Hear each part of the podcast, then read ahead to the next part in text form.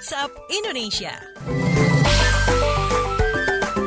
Halo, KBR Pagi tiba di WhatsApp Indonesia. Kita awali dari Balikpapan, Kalimantan Timur. Nah, ini terkait dengan Indonesia yang menuntut permohonan maaf tertulis dari Malaysia terkait kekerasan supporter. Selengkapnya kita dengarkan laporan kontributor KBR Teddy Rumengan. Selamat pagi, Kemenpora mengaku telah melayangkan surat protes kepada pemerintah Malaysia atas kasus kekerasan yang dialami supporter Indonesia. Sekretaris Kemenpora Dewa Gatot Broto mengatakan surat tersebut sudah disampaikan pada 22 November malam. Ada tiga poin penting yang disampaikan dalam surat tersebut. Pertama, menyampaikan kekecewaan atas insiden tersebut. Kedua, mendesak kepolisian Malaysia mengusut tuntas kasus tersebut. Ketiga, permintaan maaf tertulis dari pemerintah Malaysia. Dia juga menyayangkan jawaban Menpora Malaysia ketika ditanya soal kekerasan terhadap supporter Indonesia yang dilakukan supporter Malaysia adalah hoax. Padahal kata dia kasus itu benar terjadi. Kemungkinan kata dia Kemenpora Malaysia yang masih berusia muda itu mendapat informasi yang salah dari stafnya sehingga tidak tahu kejadian yang sebenarnya terjadi. Demikian saya Teddy Rumangan melaporkan untuk KBR. Dari Balikpapan kita menuju Cilacap, Jawa Tengah. Kades Ujung Manik mengklaim desanya bebas stunting karena tingginya konsumsi ikan. Selengkapnya akan dilaporkan kontributor KBR Muhammad Ridlo. Silakan Ridlo. Selamat pagi. Desa Ujung Manik, Kecamatan Kawunganten, Kabupaten Cilacap mampu mencapai zero stunting yang diyakini karena budaya konsumsi ikan yang tinggi. Kepala Desa Ujung Manik, Sugeng Budianto, mengatakan letak Ujung Manik berimpitan langsung dengan Laguna Segara Anakan. Sekitar 20% dari 10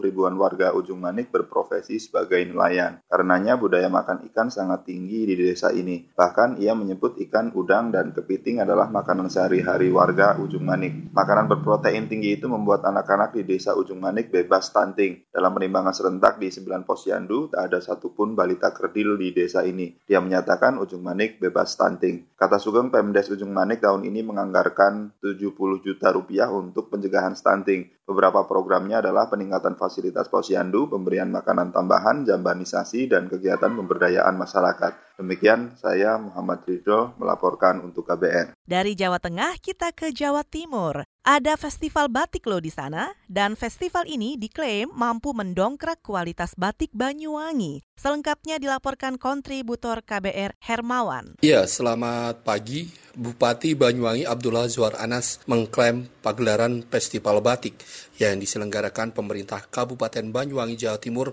telah mampu mendongkrak kualitas batik asli daerah tersebut. Menurutnya selain kualitas batik, pendapatan para perajin batik Banyuwangi juga naik sebab Kata dia, festival batik ini bukan hanya soal penampilan batik di atas panggung saja, tapi juga menjadi instrumen penggerak partisipasi masyarakat dan menumbuhkan kewirausahaan batik hingga ke pelosok desa. Abdullah Zuar Anas menambahkan, dalam mengerek kapasitas para perajin batik, pihaknya telah melakukan berbagai langkah. Hingga saat ini, berbagai tema pelatihan batik telah digelar hingga puluhan kali dengan menyeser 6.500 warga dan perajin batik. Demikian dari Banyuwangi, Herman melaporkan untuk KBR.